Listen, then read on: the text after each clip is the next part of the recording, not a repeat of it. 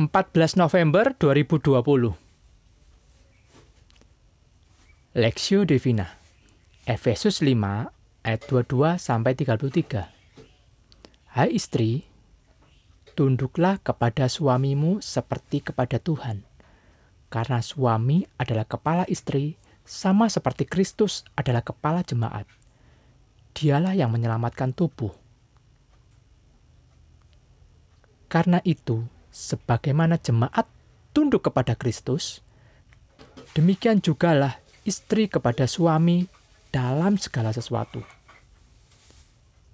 Hai suami, kasihilah istrimu, sebagaimana Kristus telah mengasihi jemaat dan telah menyerahkan dirinya baginya untuk menguduskannya, sesudah ia menyucikannya dengan memandikannya dengan air dan firman.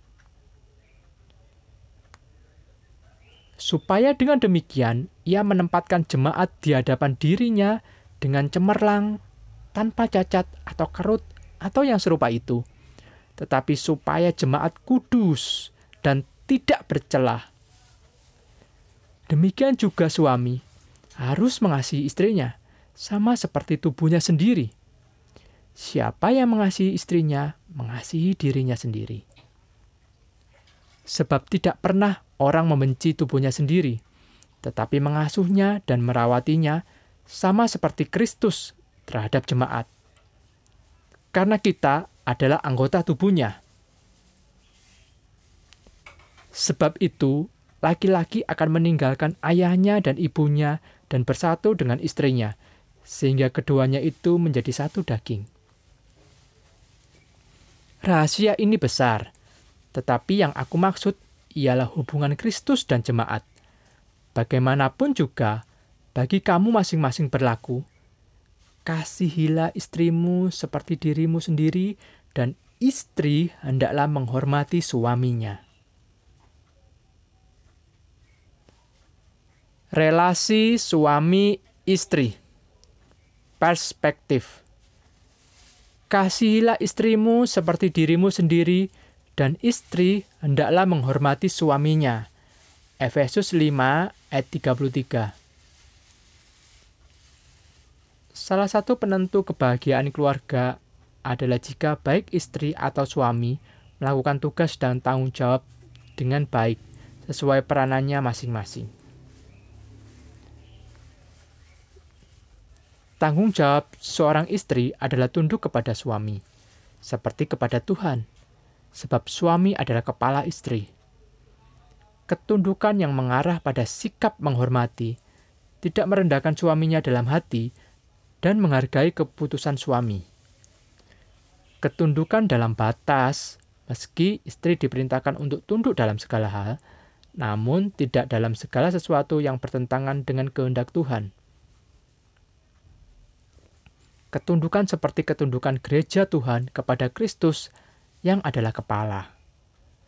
Ketundukan itu adalah ketaatan yang berhikmat dan penuh kasih Sebagaimana Kristus adalah sumber otoritas gerejanya, begitu juga suami terhadap istri. Tugas suami mengasihi istrinya seperti Kristus mengasihi gerejanya. Sebagaimana Yesus memberikan dirinya bagi gerejanya, demikianlah suami kepada istrinya.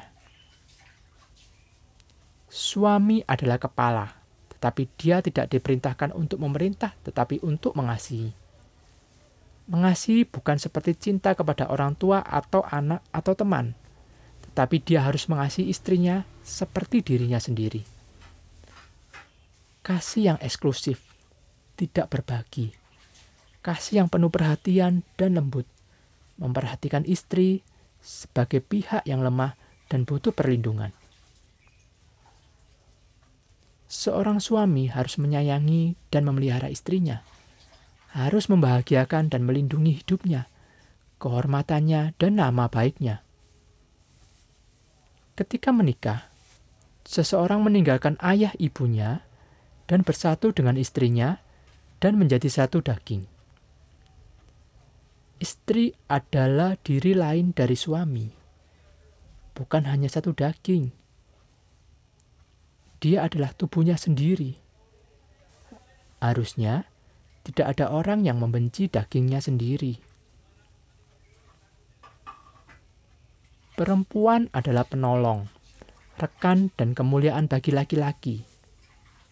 Persatuan keduanya adalah persatuan yang diberkati Kristus dan gerejanya. Itu sebabnya landasan hidup keluarga Kristen adalah kasih, kesatuan, dan relasi Kristus dengan gerejanya.